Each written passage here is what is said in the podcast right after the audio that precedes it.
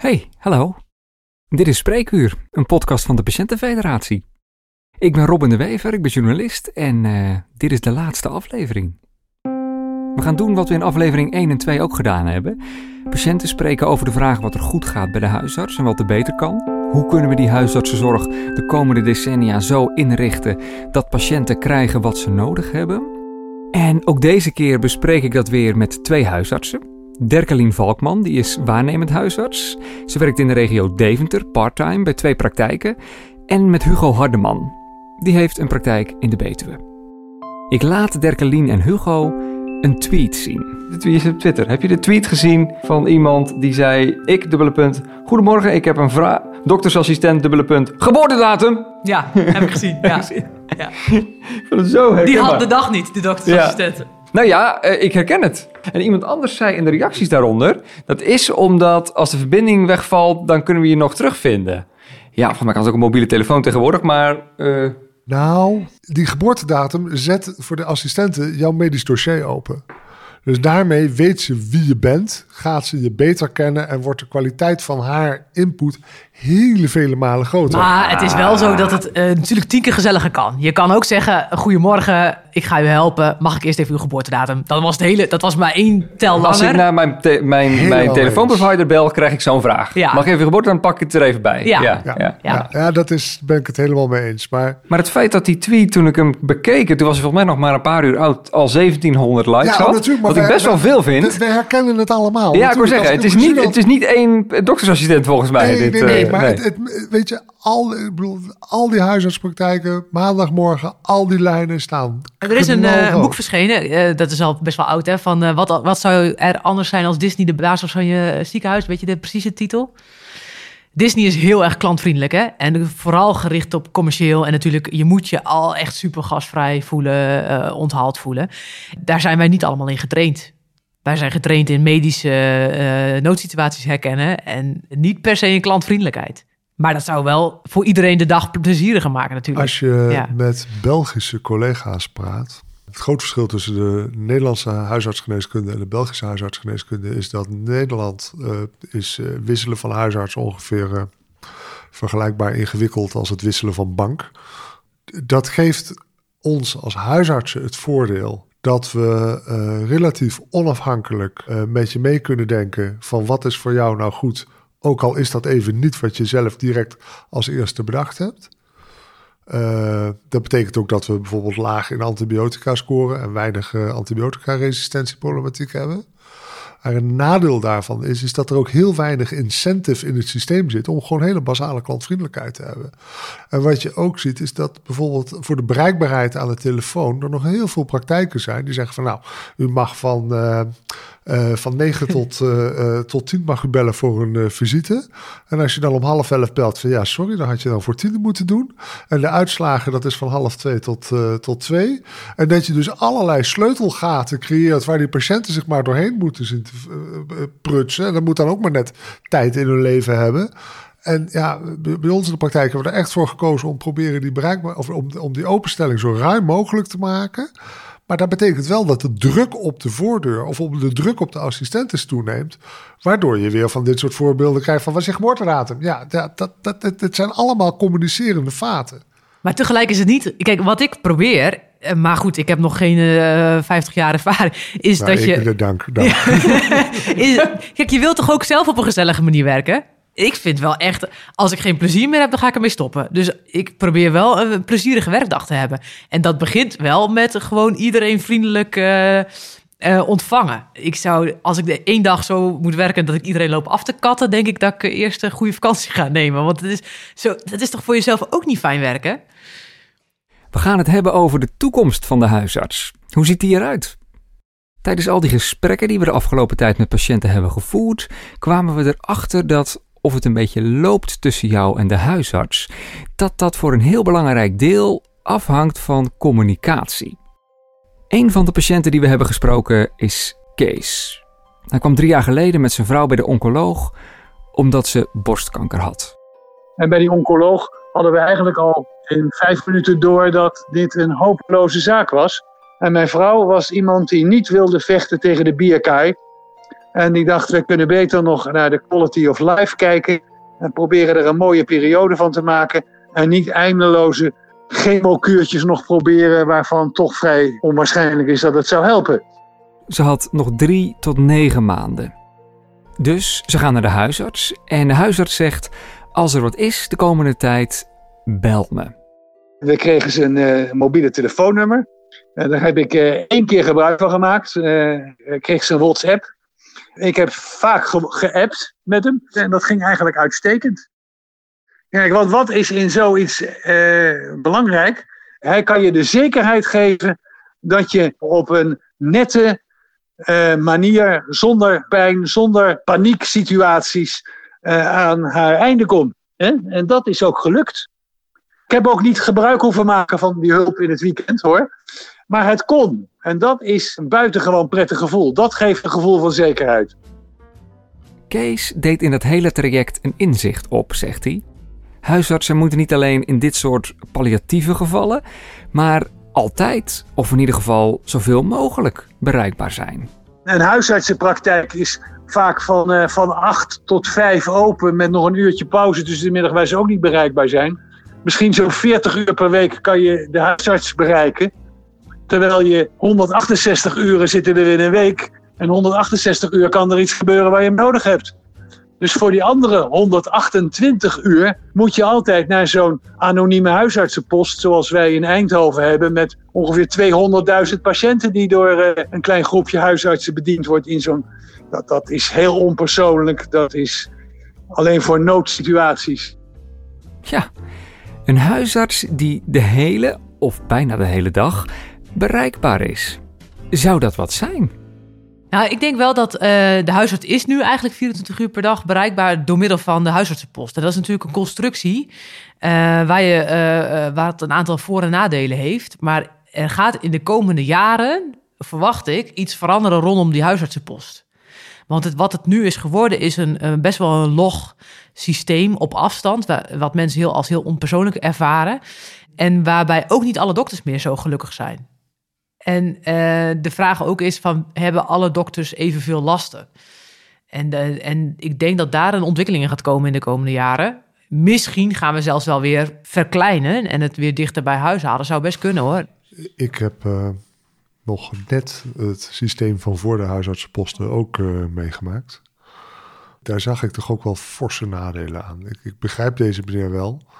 Kijk, wat er toen gebeurde, is dan zeker in een stad als Nijmegen. Daar uh, had je, ik denk, 15, 20 huisartsgroepen die allemaal voor, kleinschalig voor elkaar dienst deden. Dat betekent dat er dus in de, in, in de nacht waren er 20 huisartsen die met een semafoon in hun bed uh, lagen te slapen. En de volgende ochtend allemaal gewoon hun praktijk weer ingingen en deden alsof ze uitgeslapen waren. En dan zat je dus ochtends tegen een suffige huisarts aan, uh, aan te kijken. Want je hebt echt maar twee onhandig getimede telefoontjes nodig om je nachtrust om zeep te helpen. Ik denk dat met de komst van de huisartsenposten er een enorme kwaliteitsverbetering is gekomen. Want vroeger zat je gewoon met je huisarts en je dokterstasje. En nu heb je gewoon een volledig uitgeruste auto. Met alles erop en eraan. Zuurstof, eh, een getrainde chauffeur. Op het moment dat je echt eh, een hartinfarct, serieuze problematiek, weet ik veel hebt. Ben je echt heel veel beter af met de moderne huisartsenpost dan met de dokter van vroeger. En ja, het heeft, er hangt wel zo'n ja, misschien moet ja, wat romantisch gevoel van, nou, dan hebben we onze eigen dokter of de collega van onze eigen dokter. Maar ja, als je dan om, uh, om vijf uur belde en de vrouw van de dokter had net de spruitjes op, ja, dan was het ook gewoon tot acht uur wachten. Ik, ik, ik vind dat 24 keer 7 beschikbaar zijn. En ik doe het ook vaak voor palliatieve patiënten. Maar ik vind het heel erg zwaar. Je moet inderdaad waarmaken wat je belooft. Dus op het moment dat ik mijn telefoonnummer geef, ja, weet je, dan kan ik eigenlijk uh, geen glaasje wijn drinken. Dan moet ik zorgen dat ik hem bij me heb. Dan moet ik zorgen dat ik hem ook echt op kan nemen. Kijk, iedereen heeft van zichzelf het idee. Ik bel de dokter alleen als het echt nodig is. En als je dat allemaal bij elkaar optelt, is het toch razend druk op die huisartsenpost. En dat is de afgelopen jaren alleen maar erger geworden. Als je dat weer terugbrengt naar die groepjes van 10, 12 dokters bij elkaar. Ik, ik, ik denk dat je verzuipt in het werk. Kees noemt bijvoorbeeld ook, uh, doe dan tot 10 uur of tot 11 uur diensten. En dat zijn wel ontwikkelingen die nu soms ook worden opgepakt. Er zijn praktijken die avondspreekuur hebben. Dan kun je dus ook om 8 uur een afspraak krijgen bij de huisarts. Um, ja, weet je, dat is iets. Ja. Dat vinden we allemaal prettig als het kan. Ja. Maar waar we dan toch eigenlijk niet zo heel veel gebruik van gaan maken. Want de ervaringen zoals die in het verleden zijn geweest bij proefexperimenten, is dat het dan toch lastig is om het vol te krijgen. Nou, en het heeft een andere kant. Want kijk, nu is het nog zo, als je naar de dokter moet, kan je van de baas vrij krijgen voor doktersbezoek.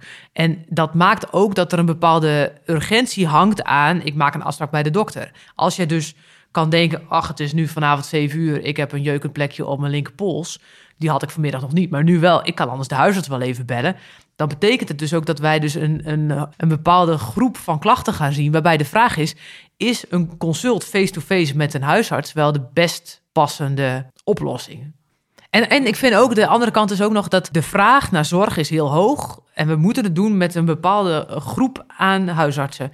En ik denk ook dat we moeten zorgen dat we het zelf kunnen volhouden. Dus je moet heel goed voor je patiënten zorgen, maar je moet ook goed voor jezelf zorgen. En als je en dan. Voor je kinderen. Sorry? En voor je kinderen. Ja, voor je gezin en voor je directe omgeving. En, en ik denk dat iedere patiënt erbij gebaat is dat zijn huisarts ook goed in zijn vel zit en uh, uitgerust is op zijn werk. Uh, zodat je zelf wel op de momenten dat je wel werkt, uh, uitgerust en goed je werk kan doen. Over de toekomst van de huisarts gesproken. Hugo heeft wel een vermoeden van hoe die eruit gaat zien, zegt hij. Nou, wat ik denk dat er gaat gebeuren, is dat er een soort integratie gaat plaatsvinden tussen de, uh, tussen de huisartspraktijken en de polyklinieken van het ziekenhuis. Dus ik denk dat de ziekenhuizen kleiner gaan worden. Ik denk dat dat echt een, een, een meer behandelcentrum wordt met een OK-complex en een IC-complex en uh, wat, uh, uh, wat lichtbedden eromheen waar mensen kortdurend liggen. En ik denk dat er een soort, soort anderhalfde lijnzorg gaat ontstaan waarbij huisartsen en specialisten eigenlijk samenwerken, dichter bij elkaar zitten, daar de lijntjes korter worden. dat daarmee dus huisartspraktijken wat groter zullen worden. Maar dat de eenheden waarin patiënten bij elkaar zitten, dat dat eigenlijk meer een soort praktijk van duopraktijk, waarbij je dus twee huisartsen hebt die, die jou kennen en die over jou gaan. En die dat dus in parttime samen kunnen oplossen. Maar dat dat wel in een wat groter georganiseerd geheel zit. Waar je dan ook uh, voor consulten bij de orthopeed en bij de chirurg terecht kunt. En dat dat wat dichter bij elkaar gaat zitten. Ik denk dat we Zie je daar al tekenen van? Of, of, of waarom denk je dat? Ja, daar zie ik wel tekenen van. Bij ons in de praktijk zit iedere zes weken komt een, uh, komt een internist uh, wat uh, dat soort samenwerkingsvragen oplossen. Je ziet dat ziekenhuizen op dit moment eigenlijk in hun gebied buitenpolies aan het organiseren zijn. Dus die komen echt naar de mensen toe. en ik denk dat dat meer in elkaar gaat. maar welk probleem wordt ermee opgelost dan? Dat, dat je dichterbij, dat je minder ver hoeft te reizen. En dat je... Maar de patiënt heeft er wel voordeel bij. Ja, dat denk ik wel. Tenminste, bij ons is er altijd, hè, wij werken veel samen met het ziekenhuis in Nijmegen. En er is altijd, mijn patiënten zijn altijd wel blij als ze niet naar Nijmegen zelf hoeven, maar als ze in Oosterhout geholpen kunnen worden, hoeven ze de rivier niet over. En verder beginnen we de toekomst van de huisarts natuurlijk al te zien. E-consulten, beeldbellen, apps. Bij elke patiënt die we de afgelopen tijd gesproken hebben, zijn we er even over begonnen. Hier is Davy. Ik kwam daar een keer op, op, op uh, consult en toen hingen er overal briefjes van... goh, we gaan overstappen op de Metgemak-app. En uh, nou, ik als 23-jarige, dat, lukt, dat lukt me nog wel. maar tegenover me zat een wat oudere mevrouw en die vond het ook wel interessant. Dus die werd dan ook meteen goed geholpen door een uh, assistent. En het bevalt. En ik, ik zwem ook veel. Soms heb ik last van bijvoorbeeld zwemmerseczeem. En dan weet ik van mezelf, oh dat herken ik. Ik weet dat ik dat heb, ik weet dat het is. Dus dan maak ik er gewoon een foto van. En dan stuur ik op de app van, goh, ik denk dat dit weer uh, zwemmerseczeem is. Kan ik weer een, een recept krijgen voor, uh, voor een cremmetje daarvoor bijvoorbeeld. Dan zijn hele korte lijntjes, het gaat heel snel. En dan hoef je niet langs te komen. En de volgende dag heb je gewoon het recept uh, binnen. En hier patiënt Simon. Ik plan altijd mijn afspraken ook online. Maar dan wel voor een fysieke afspraak. Ik ben altijd wel redelijk handig daarin met die uh, software leren kennen. Dus als dat mogelijk zou kunnen zijn en het komt voor mij beter uit, dan ga ik er wel gebruik van maken. En Steven uit aflevering 2? Uh, nee, daar doe ik eigenlijk nooit iets mee. ik heb toevallig de laatste keer voor het eerst gekeken. Ik dacht ineens, oh ja, ik kan misschien wel online een afspraak maken. Maar ja, dat, eh, dat ging niet, of dat lukte niet, of er was iets met die site. En toen heb ik maar weer gewoon gemeld. En tot slot José uit aflevering 1. beeldbellen, eh, ik moet zeggen dat het voor mij eigenlijk allemaal deuren opent. Eh, ja, door mijn MS ben ik gewoon sneller vermoeid. Mijn energielevel is gewoon veel lager dan, eh, dan van ja, al mensen die dat niet hebben. Ik merk gewoon dat, dat ja, nu met corona het beeldbellen wordt gewoon steeds normaler. Dus wij hebben nu bijvoorbeeld met het ziekenhuis ook de telefonische afspraken, de beeldbelafspraken. dat komt steeds meer eh, voor. En dat scheelt voor mij enorm, want ik hoef niet elke keer naar het ziekenhuis te rijden.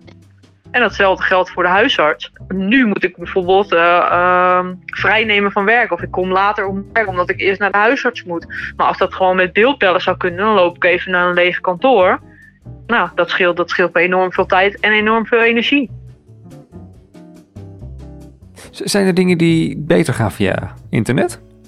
Ik denk wel dat soms als mensen een e-consult sturen, dan typen ze eigenlijk een e-mail met: eh, Ik heb deze vraag of ik heb eh, dit probleem en ik wil advies of ik wil ehm, eh, een doorverwijzing. Dan krijg je een uitgebreider ge- verhaal dan als de assistente het telefonisch moet aanhoren, samenvat in haar eigen woorden en aan mij voorlegt. Dus ik kan dan soms wel in dezelfde tijd een genuanceerd antwoord geven, terwijl er misschien details verloren gaan als het telefonisch aan de assistenten wordt meegedeeld. Dus ik denk voor sommige patiënten en voor sommige vragen helpt het wel. Is het wel een goed idee. En het helpt ook om bijvoorbeeld, wat we nu ook veel doen, om de spreekuren minder druk te maken. Dat mensen foto's sturen, bijvoorbeeld van huidafwijkingen. Of van, en dat we op, daarop op het beeld al een advies kunnen geven. Dat scheelt ook eh, qua drukte op het gewone spreekuur. En het scheelt de mensen dat ze niet per se hoeven te komen. Ja. Hey, even over de assistenten. Waar, waar hebben we het dan over? Want ik kan mij in ieder geval herinneren dat ik iets aan de ass- assistenten vertelde... dat die het dan overbracht naar de huisarts en dat het dan was. Nou, wat er overdag vaak gebeurt, en dat is eh, soms wel 15 vragen op een dag, en, eh, eh, is ehm, eh, meneer Jansen belt en die wil graag weer opnieuw eh, maagbeschermers. Heeft hij eh, vorig jaar gehad voor een periode van eh, klachten van maagzuur. Heeft toen heel goed geholpen, is een tijdje goed gegaan, maar heeft het opnieuw. Is dat goed? Punt. Dat soort vragen. Of ehm, mevrouw eh, X heeft eh, eh, vijf jaar geleden een spiraaltje gekregen van de gynaecoloog. Die moet nu vervangen worden. Mag zij opnieuw naar de gynaecoloog? Of moet ze eerst op het spreekuur komen? Juist. Oké, dat biedt het... Dat is gewoon het overleg tussen de assistenten en de huisarts. Ja. Ja, ja, ja, ja. En dan krijg- krijgt de patiënt dus waarschijnlijk te horen... ik ga het overleggen met de huisarts. U wordt teruggebeld of u mag vanmiddag bellen voor het antwoord. Ehm, zijn er nog andere punten waarop het verrijkt? Nou, wat, wat ik de punt 2 een voordeel aan vind, is dat eh, het voor de dossiervoering goed is. Want er staat gelijk op papier in het dossier eh, wat de patiënt heeft gevraagd en wat mijn antwoord was. Dus het is niet, ehm, ik heb het samengevat in drie woorden, maar het is letterlijk wat ik teruggestuurd heb. Dat staat echt opgenomen in het dossier. De coronatijd heeft daar wel, eh, is daar wel een aanjager in geweest, denk ik. Kijk, wij zijn nog niet zo ver zoals jij beschrijft bij ons in de praktijk. Mensen sturen ons wel eh, soms wel e-mails, maar eh, met name in de coronatijd is dat echt, heeft dat echt een vlucht genomen. Ook mensen die foto's opsturen en, en beeldbellen. En wat ik in die tijd eigenlijk geleerd heb, is dat het eigenlijk een soort nieuwe vaardigheid is die je als dokter onder de knie moet krijgen. En aan het ontdekken van nou, welke vragen zijn geschikt, welke vragen zijn minder geschikt. Maar dat geldt ook voor de patiënt. Het, is, het heeft echt volgens mij heel erg met een vaardigheid te maken. En het heeft mij ook wel uit de, de, de, de, de vaste routine gehaald van eh, laat maar even zien op het spreekuur. Of laat maar even op het spreekuur komen. En dat je beter nadenkt over van wat is hier nou eigenlijk handig? Heb ik iets aan een foto?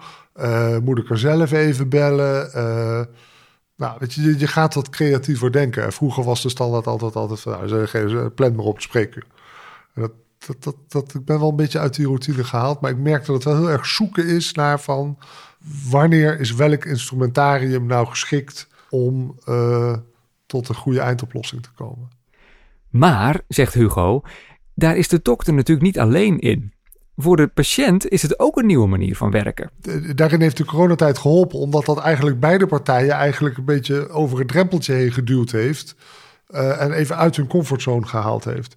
Dus ik heb toen ontdekt dat ik echt veel meer telefonisch mogelijk is. dan ik ooit gedacht had dat telefonisch zou kunnen, kunnen gaan. Want wat doe je per telefoon wat je, wat je eerder altijd maar eh, face-to-face deed? Kinderen met koorts. Ja, bijvoorbeeld. Dat vond ik echt een groot verschil, want wij hadden in de coronatijd eh, dagelijks ouders aan de lijn van jonge kinderen. Waarbij we dan een aantal screenende vragen stelden van, eh, nou, hoe ziek is het kind en wat kan die nog en, en wat is er aan de hand? En, maar dat is in de periode dat er eigenlijk ook niemand op het spreken wilde komen. Hè? Dus we hadden ook eh, heel veel plek, maar eh, mensen dachten wel drie keer na voordat ze uit hun huis eh, eh, gingen. Dus toen hebben we heel vaak telefonische adviezen gegeven, terwijl we daarvoor bijna altijd die kinderen zouden hebben uitgenodigd op het spreekuur om ze na te kunnen kijken. En ik heb niet het gevoel, er is een groep wat we gemist hebben in die periode. Dat is ook heel schrijnend hoor. Maar eh, ik denk dat die, met die kinderen met koorts, dat daar niet zo heel veel dingen echt heel erg mis zijn gegaan. Nee, maar dat is wat ik bedoel met de nieuwe vaardigheid. Ja. Je, moet, je moet zoeken van hoe je dat op een veilige manier, welke vragen je moet stellen, Ja. hoe je toch tot, tot een veilige inschatting kan maken. Of tot een veilige inschatting kan komen. Ja. Ja. En dat, dat, is, dat is zoeken, dat is lastig. Mhm. Eh, maar ik denk wel dat het uiteindelijk, eh, ook na de coronatijd, zal, zal het wel blijven. Verlaagt het de drempel voor mensen? Gaan mensen andere vragen stellen? Ja, maar het is wel echt, merk ik, voor een heel select, groep, select groepje van de eh huisartsenpraktijk. Dus het is natuurlijk weggelegd voor jonge mensen die sowieso al handig zijn met computers. En die dus ook wel de dokter weten te vinden en dus ook al eh, daarvoor een eh, applicatie hebben geïnstalleerd. En dat maakt wel dat ik nu niet het gevoel heb dat we daarmee onze hele patiëntengroep bedienen. Dit is echt een grote groep die daar, die ik nog nooit een e-consult heb zien eh, invoeren. Weet je wat er bij mij in de praktijk gebeurt als er echt stront aan de knikker is? Dan komen mensen naar ons toe. Ja. Wij worden fysiek gehaald. En dan denk ik, weet je, als er echt paniek toeslaat, dan, dan, dan, dan rent zo'n Betuws boertje rent dan naar zijn fiets, rent naar de praktijk en komt de dokter halen zoals dat 50 jaar geleden ook ging. Ja, Dat gebeurt echt nog letterlijk. Want soms wil je de dokter gewoon zien. En weet u, dat is wederzijds. Nee, en alleen maar eh, e-consulten doen, eh, dan eh, zou ik er ook voor passen. Want het leukste van het werk is natuurlijk mensen face-to-face ontmoeten. Dus dat zou ontzettend jammer zijn als we alleen maar achter een beeldscherm zitten. Want dan had ik wel een ander vak gekozen. Als u alleen deze aflevering heeft geluisterd en de andere twee niet, ga dat dan vooral nog doen. En eh, meer info en muziekcredits vindt u natuurlijk op spreekuur.patiëntenfederatie.nl. En daar kunt u ook alle andere patiëntenverhalen teruglezen. Dit was hem, Spreekuur.